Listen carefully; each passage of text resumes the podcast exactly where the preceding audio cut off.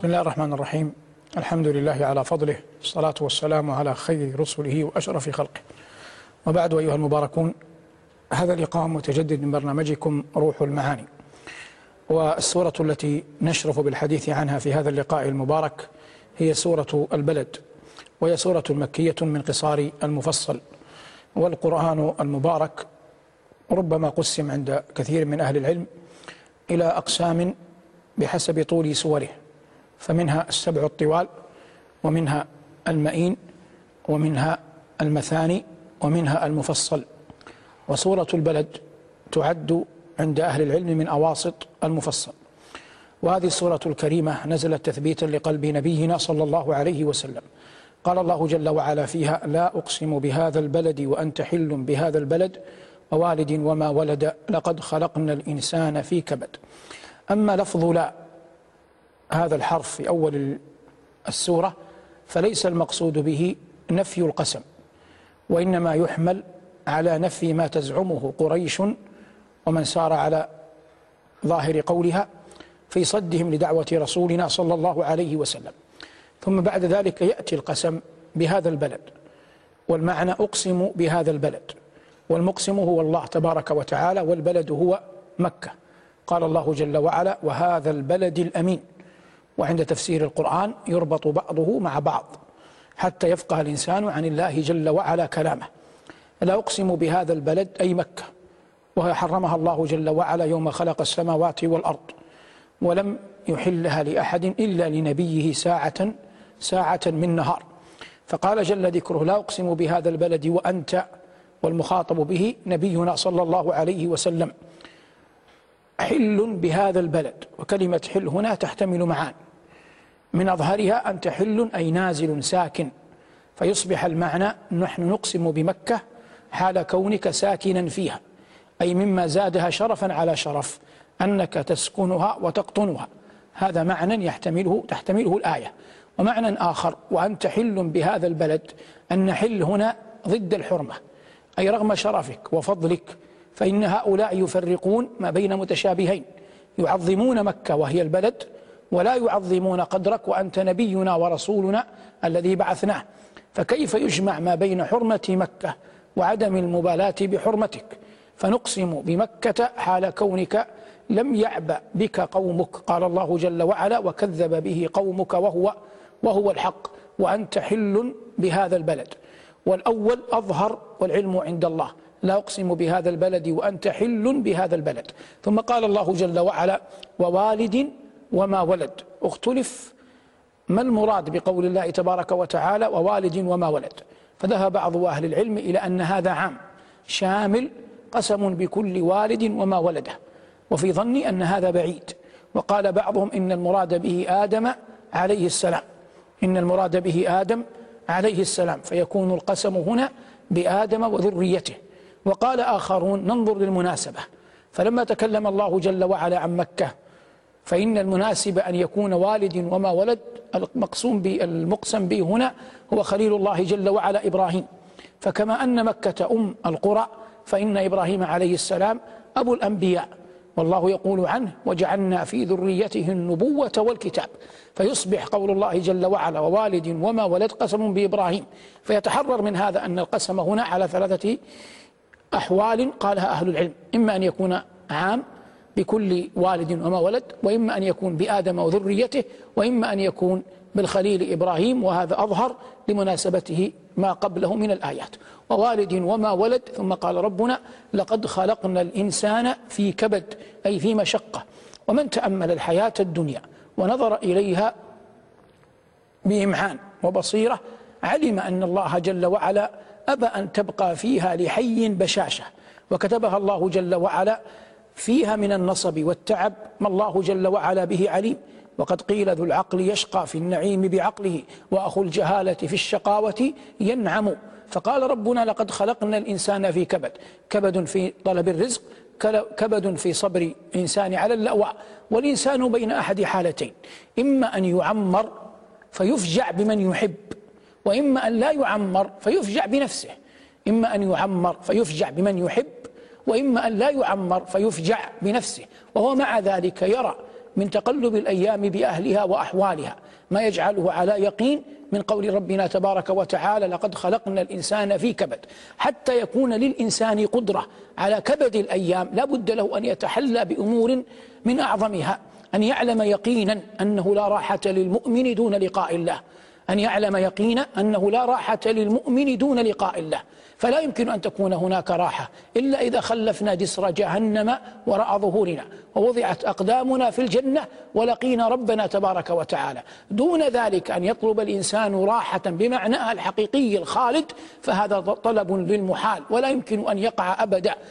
هذا المعين الأول. المعين الثاني أن يعلم العبد أن ما أصابه لم يكن ليخطئه وما أخطأه لم يكن ليصيبه. وأنه كما قال نبينا صلى الله عليه وسلم جفت الأقلام وطويت الصحف. لكن هذا لا يعني الاتكال على ما هو قادم. لكن المهم أن لا يحزن الإنسان على ما قد فات.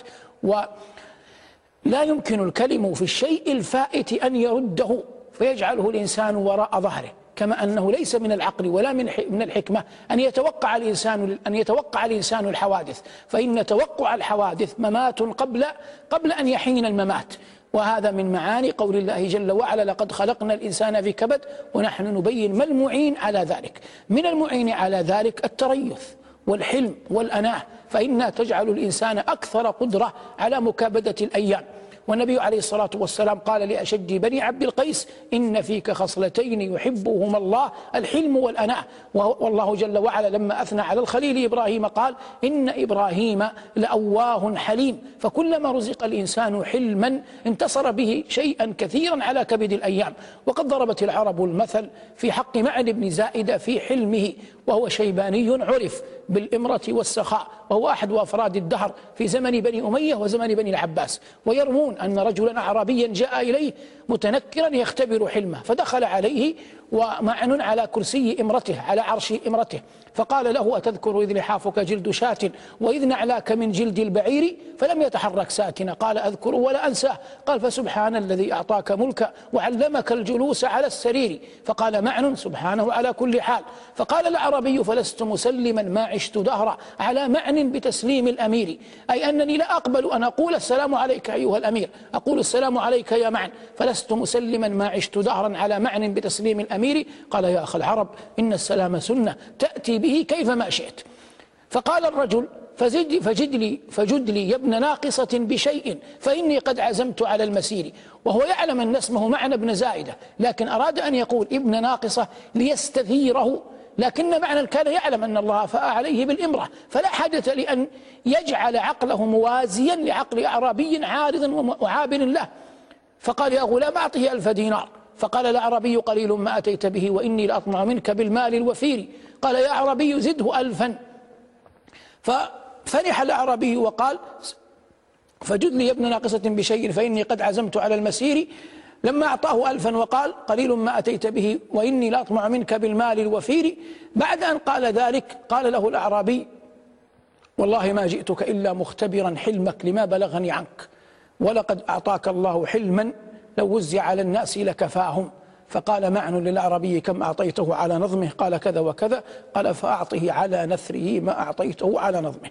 موضع الشاهد منه أن الحلم يعين على كون الإنسان يتخلص من كبد من كبد الأيام. مما يعين أن يتخلص الإنسان على كبد الأيام أن يكون حوله من أهل الرأي والمشورة. ممن يغلب على الظن فهمهم ومحبتهم. ولا بد من شكوى إلى ذي مروءة يواسيك أو يسليك أو يتوجع ولا بد من شكوى إلى ذي مروءة يواسيك أو يسليك أو يتوجع مع أن العقل يقول محال أن يبوح الناس أن يبوح الرجل بكل شيء إلى كل أحد. هذا بعيد جدا تموت الرجال بأوصابها ولا يدري عوادها ما بها. لكن غالب ما يحمله الإنسان من هم لا حرج عليه أن يستشير فيه غيره وأن يبث شكواه إلى من يحب حتى لو, يكون لو كان يعلم أن ذلك المحب لا يستطيع أن ينهض بذلكم الأمر لكنه شيء يعين مع الأيام على كبدها. قال الله جل وعلا لقد خلقنا الإنسان في كبد. مما يعين وهو الأمر الخامس أن يكثر الإنسان من الدعاء وأن يلجأ إلى قول الله جل وعلا حسبنا الله ونعم الوكيل. وقول لا إله إلا أنت سبحانك إني كنت من الظالمين. ودعاء اللهم إن في تدبيرك ما يغني عن الحيل. وأضرى بذلك مما ثبت في الآثار الصحيحة مما يعين على كبد الأيام ومشقتها. ولا نستطيع أن نستطرد أكثر من هذا عند قول الله جل وعلا لقد خلقنا الإنسان في كبد بعد أن تكلم جل وعلا تحدث القرآن عن جملة حياة الإنسان ذكر الله جل وعلا الجبابرة من الخلق. كيف أنهم يفترون على الله الكذب ويطاولون بقوتهم؟ لقد خلقنا الإنسان في كبد. قال الله جل وعلا أيحسب أن لن يقدر عليه أحد؟ يقول أهلكت مالا لبدا. أيحسب أن لم يره أحد؟ ذكر الله جل وعلا نماذج بشرية موجودة. ترى أن ما أوتيته من أموال وما أوتيت من جمال أو من ذرية أو من قدرة أو من سلطان أو من نصرة هو المخلد لها. وهذا ظن سيء بالله. الله يقول وأما عاد فاستكبروا في الأرض بغير الحق وقالوا من أشد منا قوة؟ أولم يعلموا أن الله الذي خلقهم هو أشد منهم قوة. ولهذا ذكر الله في القرآن ألم تر كيف فعل ربك بعاد إرم ذات العماد التي لم يخلق مثلها في البلاد؟ وذكر جما غفيرا ممن أهلكهم. فما هذا أمام هؤلاء؟ ثم قال ربنا ألم نجعل له عينين ولسانا وشفتين وهديناه النجدين؟ والحديث عن هذا تفصيلا من الله جل وعلا على عباده بأن من عليهم بالبصر والبصيرة. فقال ممتنا ألم نجعل له عينين؟ وأعظم ما يمكن أن تؤتاه العينين في الآخرة لذة النظر إلى وجه الله العظيم. وحتى تنال العينان, العينان هذه المنزلة. لا بد من غض البصر في الدنيا ولا بد من أن تكون العينان جارحتين تطيعان الله. قال صلى الله عليه وسلم عينان لا تمسهما النار. وذكر منهما عين باتت تحرس في سبيل الله وعين بكت من خشية الله. ولما ذكر النبي صلى الله عليه وسلم السبعة الذين يذلهم الله تحت ظل عرشه يوم لا ظل إلا ظله قال ورجل ذكر الله خاليا ففاضت عيناه. ولما ذكر الخلق الأخيار من خلقه قال أولئك الذين أنعم الله عليهم من النبيين من ذرية آدم وممن حملنا مع نوح ومن ذرية إبراهيم وإسرائيل وممن هدينا واجتبينا إذا تتلى عليهم آيات الرحمن خروا سجدا وبكيا. هؤلاء وأضرابهم عرفوا نعمة العينين حقا. ألم نجعل له عينين ولسانا وشفتين؟ ثم قال جل وعلا وهديناه النجدين. نقول نجد من الأرض يعني مرتفع ولهذا سمي إقليم نجد بأنه نجد هو إقليم مرتفع. لكن ما المراد بالنجدين في الآية؟ قال بعض العلماء إن المراد بالنجدين الطريق والمعنى طريق الخير وطريق الشر. واحتج هؤلاء بقول الله جل وعلا إن هديناه السبيل إما شاكرا وإما وإما كفورا. إن هديناه السبيل إما شاكرا وإما كفورا. وقال بعض أهل العلم وهذا عندي أرجح أن المراد بالنجدين الثديين. أي ثديي الأم. فإن الصبي يولد صغيرا لا يعرف أين موطن رزقه لا يعرف أين موطن رزقه. ومع ذلك يهدى لأن يلقم ثديي أمه. ومعلوم أن الثديين بارزان عن صدر المرأة. فأقرب إلى أن يقال أن معنى قول الله جل وعلا وهديناه النجدين أي هديناه الطريق والسبيل إلى ثديي أمه حتى يلقم ما يعينه على أن تتكون قوة. وهديناه النجدين ثم قال الله فلا اقتحم العقبة. وهنا للحظ والترغيب. ثم بين جل وعلا ما العقبة قبل أن يبينها هولها. ذكرها في صيغة تفخيم. قال جل وعلا وما أدراك ما العقبة؟ أي أنها عقبة كؤوت تحول بين كذا وكذا. فقال جل وعلا وما أدراك ما العقبة؟ فك رقبة. فك رقبة أي عتقها.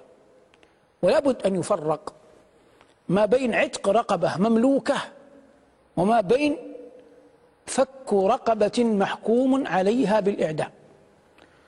فعندما يأتي الإنسان لرجل قتل نفسا وطالب أهل الميت أهل المقتول بالقصاص فيودع ليقتص منه.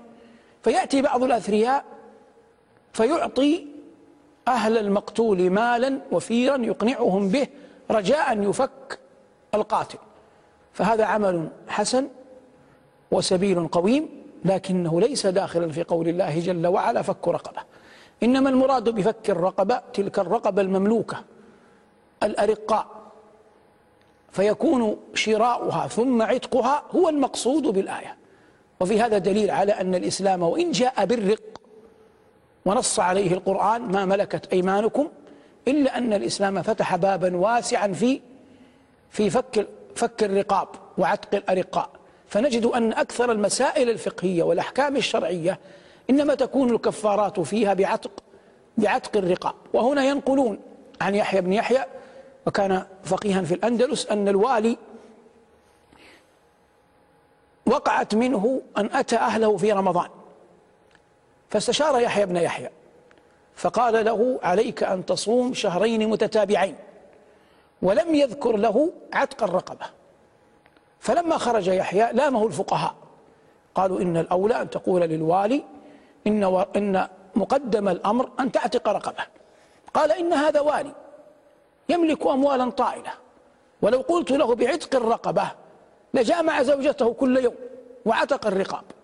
لكن فعل يحيى هذا لم يقبله الفقهاء والعلماء لأنه مخالف للنص لأن عتق الرقاب مقصود شرعي. فالله جل وعلا لما جعل الكفارات بعضها مرتهن بعتق الرقاب هو مقصود شرعي أن يقل الأرقاء في الناس. لكن يحيى قاس في موضع غير موضع غير موضع القياس وقد مر معنا والاجتهاد في محل النص كتارك العين لأجل القص. والمقصود أن عتق الرقاب من أعظم القربات. وقد كان الصديق رضي الله عنه يشتري الأرقاء في أول الإسلام ثم يعتقهم. فكان أبوه يقول له يا بني إن كنت ولا بد فاعلا فاشتري رجالا جلدا يحمونك وينصرونك إذا حزب الأمر. فقال يا أبتاه إنني أريد وجه الله لا أريد نصرة نفسي. فأنزل الله جل وعلا قوله وسيجنبها الأتقى الذي يؤتي ماله يتزكى وما لأحد عنده من نعمة تجزى إلا ابتغاء وجه ربه الأعلى. هذا معنى قول الله جل وعلا فلا اقتحم العقبة وما أدراك ما العقبة فك رقبة.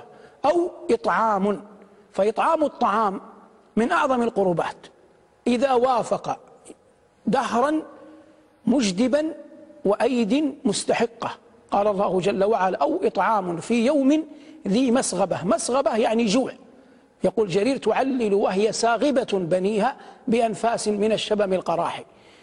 أو إطعام في يوم ذي مسغبة يتيما ذا مقربة أو مسكينا ذا متربة.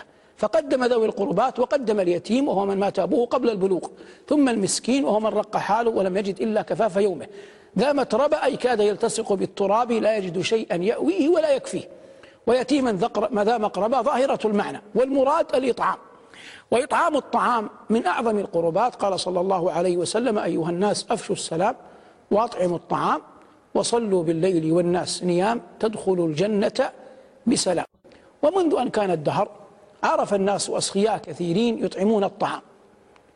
عرف في الأمة عبد الله بن جعفر وآل المهلب بن أبي صفرة وغيرهم ممن كانوا لهم اليد الطولى في إطعام الناس. وقد كان بعض الفضلاء من أهل الكرم يتفاخرون بهذا غدوا ورواحا ويطعمونه حتى ينالوا به أعظم المراتب وأجل المنازل سواء في الدنيا أو أو في الآخرة. لكن ليس كل أحد يقدر عليه. والحجاج رغم ما عرف عنه من عتو وجبروت إلا أنه كان من أكثر الناس كرما فكان يأتي المدينة فيطعم أهلها ويقول أيها الناس رسولي إليكم الشمس. إذا حضرت إذا طلعت فاحضروا للغداء وإذا غربت فاحضروا للعشاء. إذا طلعت فاحضروا للغداء وإذا غربت فاحضروا للعشاء. وكان يمر على الناس وهم يطعمون في مجلسه فيقول إن لم تريدوا أن تأكلوا الخبز أو الرغيف فلا أقل من أن تقطعوه تكسروه. حتى لا يعيده إليكم الخدم مرة أخرى. وهذا إفراط في الكرم. وكان لا يحب أن يأكل لوحده رغم ما عرف عنه من جبروت. والله جل وعلا قد يجمع في الرجل صفات ومناقب حسنة ويجعل فيه في الوقت نفسه مثالب تقلل من قدره بين الناس. وأكمل الناس من آتاه الله جل وعلا كمال الدين وكمال وكمال الدنيا. نعود إلى قول الله جل وعلا أو إطعام في يوم ذي مسغبة يتيما ذا مقربة أو مسكينا ذا متربة. وقد ورد أن رجلا جاء لعمر رضي الله تعالى عنه وأرضاه فقال يا عمر الخير جزيت الجنة أكسو بنياتي وأمهن وكلنا من الزمان جنة أقسمت بالله لتفعلنه. قال عمر وإن لم أفعل يكون ماذا؟ قال إذا أبا حفص لأذهبنه. قالوا إن أذهبت يكون ماذا؟ قال إذا أبا حفص لتسألن يوم تكون الأعطيات جنة وموقف المسؤول بينهن إما إلى نار وإما جنة. فبكى عمر رضي الله تعالى عنه وأرضاه ونزع قميصه وأعطاه إياه. وهذا من تعليم الناس كيف يفدون بالسخاء على رب الأرض والسماء. قال ربنا أو إطعام في أو إطعام في يوم ذي مسغبة يتيما ذا مقربة أو مسكينا ذا متربة. ثم كان وليس الترتيب هنا للتراخي إنما هذا ترتيب منازل لا ترتيب أحداث لأن الإيمان مقدم على الإطعام. ثم كان من الذين آمنوا وتواصوا بالصبر وتواصوا بالمرحمة. أما تواصوا بالصبر فإن الناس يرون من كبد الأيام كما أسلفنا ما يرون. فيحتاجون إلى أن يصبر بعضهم بعضا على مدلهمات الليالي والأيام. وأعظم ذلك الصبر على طاعة الله تبارك وتعالى. وتواصوا بالمرحمة أي أن يرحم بعضهم بعضا. وقد قال صلى الله عليه وسلم ارحموا من في الأرض يرحمكم ارحموا من في الأرض يرحمكم من؟ من في السماء؟ وقال من لا يرحم لا يرحم. وكلما جبل الإنسان على الرحمة كان أقرب إلى رحمة مولاه. قال الله جل وعلا عن الخليل إبراهيم وهو يتحدث عن عبادة الأوثان رب إنهن أضللن كثيرا من الناس فمن تبعني فإنه مني ومن عصاني لم يقل فعذبه. قال ومن عصاني فإنك غفور رحيم. وهذا من الرحمة التي جبل عليها الخليل إبراهيم عليه السلام. وأسعد الناس برحمة الله من كان واسع الرحمة للخلق يأويهم ويقيل عثراتهم ويقبل أعذارهم ويتلطف بهم ما استطاع إلى ذلك سبيلا. وللإحسان لذة لا يعلمها إلا المحسنون. وكلما كان الإنسان شديد الإحسان إلى الخلق كان قريبا إلى رحمة مولاه. قال الله جل وعلا عن الكريم موسى فسقى لهما ثم تولى إلى الظل فقال رب إني لما أنزلت إلي من خير فقير. كما أنك إذا رأيت الرحماء من الناس دلك هذا على عظيم رحمة الله جل وعلا. وقد ذكروا أن أحد الأخيار كان بعيدا عن مكة في نيسابور أو غيرها من بلاد خراسان فعزم على الحج فكانت بناته يمنعنه أن يحج لأنهن ليس بينهن ذكر يأويهم. فقالت له ابنته الكبرى ترغبه في الحج يا أبتاه إنما حالنا ورزقنا على الله. فقبل رأيها وأخذ بمشورتها وعزم على الحج وذهب. فما أمسوا إلا وأصابهم الجوع وأخذ الصبية الصغار يتضاغون. بين قدمي أختهم الكبرى التي أشارت على أبيها بأن يذهب. فبينما هم كذلك إذ مر بالقرية أمير والبيت في أطراف البلدة. فلما رأوها فلما رأى البيت أصابه العطش. فطلب ماء والماء يوجد في بيوت الأغنياء وبيوت الفقراء. فسقوه فجال ببصره في البيت. فعرف فقرهم ومسكنتهم. بعد أن شرب وارتوى أمر لهم بدنانير كثر في صرة. فأخذتها الفتاة وهي تقول هذا مخلوق نظر إلينا فاستغنينا فكيف بنظر أرحم الراحمين إلينا؟ هذا مخلوق نظر إلينا فاستغنينا فكيف بنظر أرحم الراحمين إلينا؟ ومن علم عظمة الوقوف بين يدي ربنا تبارك وتعالى كان حريا به أن يرحم الناس حتى ينال رحمة الله تبارك وتعالى إذا لقيه. قال ربنا وتواصوا بالصبر وتواصوا بالمرحمة أولئك أصحاب الميمنة ولم يقل أولئك المقربون لأن المقربين لهم من الأعمال أرفع مما ذكر على أنه يمكن أن يقال أن المراد به القسمة بين أصحاب اليمين وأصحاب الشمال ويندرج فيه المقربون لكنه بعيد لكن القسمة الحقيقية مقربون وأصحاب يمين وأصحاب الشمال. بعض الفئات تكون من اليمين ويصعب أن تكون من المقربين. وهؤلاء من مات من المؤمنين قبل البلوغ. فمن مات من المؤمنين قبل البلوغ من أبوين مسلمين يحكم له بالإسلام. فهذا لا سبيل إلى أن يكون من أهل الشمال. لا يكون من أهل الشمال من أهل النار فيكون من أهل الإيمان. وليس له أعمال ولا مناقب ولا صلوات ولا صيام ولا قيام ليل يجعله من المقربين. فهو قطعا من أصحاب اليمين ولا سبيل له إلى أن يرقى إلى هؤلاء. قال الله جل وعلا كلا والقمر والليل إذا أدبر والصبح إذا والليل إذ أدبر والصبح إذا أسفر إنها لإحدى الكبر. نذيرا للبشر لمن شاء منكم أن يتقدم أو يتأخر. كل نفس بما كسبت رهينة إلا أصحاب اليمين في جنات يتساءلون عن المجرمين. ما سلككم في سقر. أصحاب اليمين هنا هم من مات قبل البلوغ من المؤمنين. لأنهم ماتوا ولا يعلمون على أي شيء صار الناس. فلذلك يتساءلون يسألون عن المجرمين ما سلككم في سقر. أما الكبار يعلمون أن الذي سلك هؤلاء الكفار والفجار في سقر هو معصيتهم وعدم إيمانهم بالله وتركهم للصلوات واتباعهم للشهوات. أما هؤلاء فلا يعلمون فسماهم الله جل وعلا أصحاب يمين لأنه لا سبيل إلى أن يكونوا من المقربين. فلعل قول الله جل وعلا أو إطعام في يوم ذي مسغبة يتيما ذا مقربة أو مسكينا ذا متربة. ثم كان من الذين آمنوا وتواصوا بالصبر وتواصوا بالمرحمة أولئك أصحاب أصحاب الميمنة ذكر لطائفة نالت حظا عظيما قال الله عنهم في الواقعة وأصحاب اليمين ما أصحاب اليمين في سدر مخضود. لكن الله هنا لا يتكلم عن المقربين لأن المقربين أعظم حالا وأشد عطاء وأكثر عبادة. بعد أن ذكر الله جل وعلا أصحاب اليمين ذكر أصحاب الشمال. وعبر عنهم بالمشأمة فقال ربنا جل وعلا وتواصوا بالصبر وتواصوا بالمرحمة أولئك أصحاب الميمنة والذين كفروا بآياتنا هم أصحاب المشأمة عليهم نار مؤصدة. أصحاب المشأمة عياذا بالله هم أصحاب الشمال. عليهم نار مؤصدة هي نار جهنم. والحديث عن نار جهنم يمكن إيجازه بالتالي. لهم ثلاث نداءات. ينادون أولا الملائكة. وقال الذين في النار لخزنة جهنم ادعوا ربكم يخفف عنا يوما من العذاب. فلا يجدون عندهم ما يرد لهم مطلبا. فيلجؤون إلى مالك. قال الله جل وعلا في الزخرف ونادوا يا مالك ليقضي علينا ربك فيجيبهم بعد ألف عام. قال إنكم ماكثون فإذا يئسوا من مالك سألوا رب العالمين ربنا أخرجنا منها فإن عدنا فإنا ظالمون. فيقول رب العزة اخسأوا فيها ولا تكلمون فلا يتكلمون بعدها أبدا. هذا حال.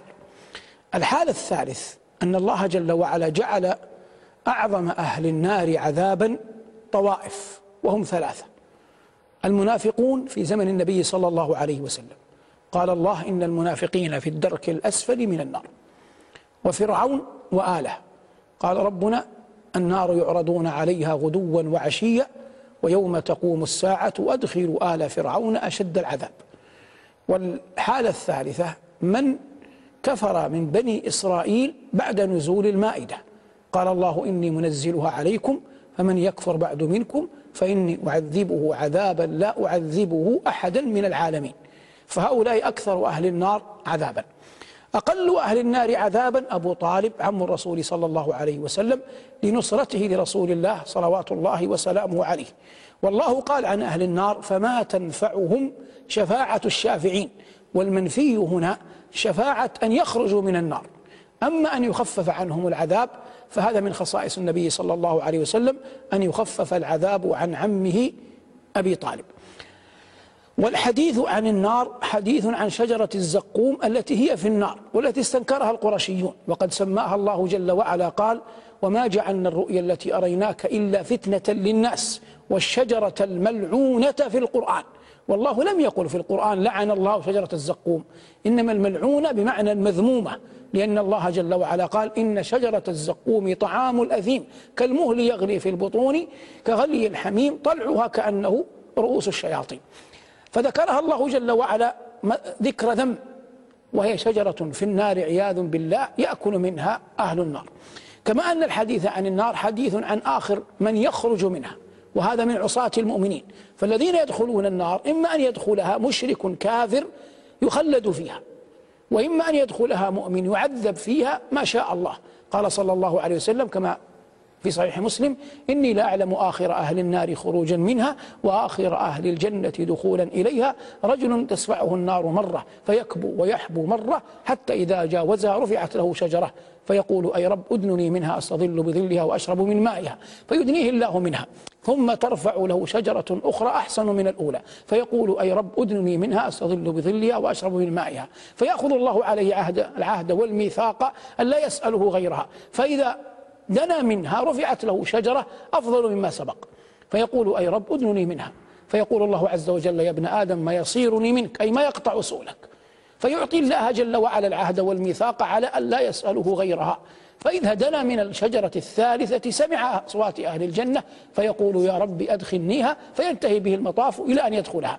قبله حتى يفصل ما بين أهل الجنة والنار يكون مسألة الشفاعة في مقامها الأخير. قال صلى الله عليه وسلم لما ذكر الصراط قال مدحضة المزلة عليه شوك عليه كلابيب كشوك السعدان يمر الرجل على قدر عمله. هذا يحبو وهذا يكبو وهذا مثل الريح وهذا مثل الخيل وهذا يمشي مشيا وهذا مثل البرق كل بحسب عمله. فإذا جاوزه المؤمنون أي الصراط نادوا ربهم ربنا إخواننا كانوا يصلون معنا ويصومون معنا ويحجون معنا. أي أنهم يتحدثون عن عصاة المؤمنين الذين في جهنم. فيقول رب العزة ارجعوا. فمن وجدتم في قلبه مثقال دينار من إيمان فأخرجوه. فيحرم الله صورهم على النار. صور من؟ صور من عادوا ليشفعوا. فيدخلون النار فلا تحرقهم النار. لأن التحريم هنا تحريم منع. أي يمنع الله النار أن تتسلط على تلك الجنود. فهؤلاء يخرجون من في قلبه مثقال دينار من إيمان فينادون ربهم ربنا لم يبق فيها أحد ممن أمرتنا به. فيقول الله جل وعلا ارجعوا فمن وجدتم في قلبه نصف دينار من إيمان فأخرجوه. فيخرجون من كان هذا حاله فيقولون ربنا لم يبقى فيها أحد ممن أمرتنا به. فيقول الله جل وعلا ارجعوا فمن وجدتم في قلبه مثقال ذرة من إيمان فأخرجوه. فيخرجون خلقا كثيرين فيقولون ربنا لم يبق فيها أحد ممن أمرتنا به. قال صلى الله عليه وسلم فيقول الله جل ذكره شفع شفعت الملائكة وشفع النبيون وشفع المؤمنون وبقيت شفاعة أرحم الراحمين. فيضع جل وعلا يده في النار فيخرج أقواما قد امتحشوا أي صاروا حمما فيلقون في نهر عند ماء الجنة عند الجنة يقال له ماء الحياة. فينبتون كما تنبت الحبة في محيل السيل. ثم توضع على رقابهم الخواتيم. فيقال هؤلاء عتقاء الرحمن أدخلهم الجنة من غير عمل عملوه ولا خير قدموه. قبل أن يدخلوها يقولون وقد رأوا شيئا من الجنة. ربنا أدخلنا الجنة فيقول الله لكم مثله لكم ما رأيتم وعشر أمثاله معه. فيقولون ربنا لقد أعطيتنا ما لم تعطي أحدا من خلقك. فيقول الله جل وعلا ألا أعطيكم أعظم من هذا؟ فيقولون ربنا وأي شيء أعظم من هذا؟ فيقول الله أحل عليكم رضواني فلا أسخط عليكم بعده أبدا. فيدخلون الجنة. ويفقه من هذا أنه لا شيء يعدل رضوان الله. قال الله جل وعلا ورضوان من الله أكبر أي أكبر من كل عطية. ورضوان من الله أكبر ولم يأتي بعد اسم التفضيل شيء أي والمعنى أكبر من كل أكبر من كل عطية. نحن نتحدث عن قول الله جل وعلا والذين كفروا بآياتنا هم أصحاب المشأمة عليهم نار مؤصدة. إذا خرج هؤلاء لم يبق في النار إلا من كتب الله عليه الخلود. حينها يؤتى بالموت. على صورة كبش أملح. فينادى يا أهل الجنة فيشرئبون ينظرون مخافة أن يقال لهم اخرجوا منها. وينادى يا أهل النار فينظرون يشرئبون رجاء أن يقال لهم اخرجوا منها. فيقول يقال للفريقين هل تعرفون هذا؟ فيقولون نعم هذا الموت. فيذبح ما بين الجنة والنار وينادي مناد أن يا أهل الجنة خلود بلا موت وأن يا أهل النار خلود بلا موت. فلو أن أحدا مات حسر مات فرحا لمات أهل الجنة فرحا ولو أن أحدا مات حسرة لمات أهل النار حسرة. هذا هو يوم الحسرة الذي قال الله جل وعلا في سورة مريم عنه وأنذرهم يوم الحسرة إذ قضي الأمر وهم في غفلة وهم لا يؤمنون. إن نحن نرث الأرض ومن عليها وإلينا يرجعون. والمقصود الإخبار عن مآل أهل النار عياذا بالله جل وعلا منها. وتحدثنا عن قول الله جل وعلا عن أصحاب الميمنة. هذا أيها المبارك ما يمكن أن يقال إجمالا عن سورة البلد وقد بينا أنها سورة مكية من قصار من قصار المفصل أقسم الله جل وعلا فيها في أول الأمر بمكة حال كون النبي صلى الله عليه وسلم نازلا ساكنا فيها فاجتمعت فيها حرمتان حرمة البلد نفسه وحرمة رسول الله صلوات الله وسلامه عليه التي كتب الله له منها أن يخرج منها ليسكن مدينته الطاهرة المباركة صلوات الله وسلامه عليه. إذا تحرر كل هذا تلحظ أن السور المكية قصيرة الآيات ويأتي فيها من القوارع ما يوقظ القوم من رقدتهم لأن الشهوة والغفلة كانت مهيمنة عليهم فهم أحوج إلى الترهيب والنذارة أكثر من حاجتهم إلى الترغيب والبشارة. في حين أن القرآن المدني الذي نزل بعد الهجرة تضمن كثيرا من الأحكام وتضمن كثيرا من البشارات. ولا تحسبن الذين قتلوا في سبيل الله أمواتا بل أحياء عند ربهم يرزقون. ولا يعني ذلك خلو القرآن المكي من البشارات.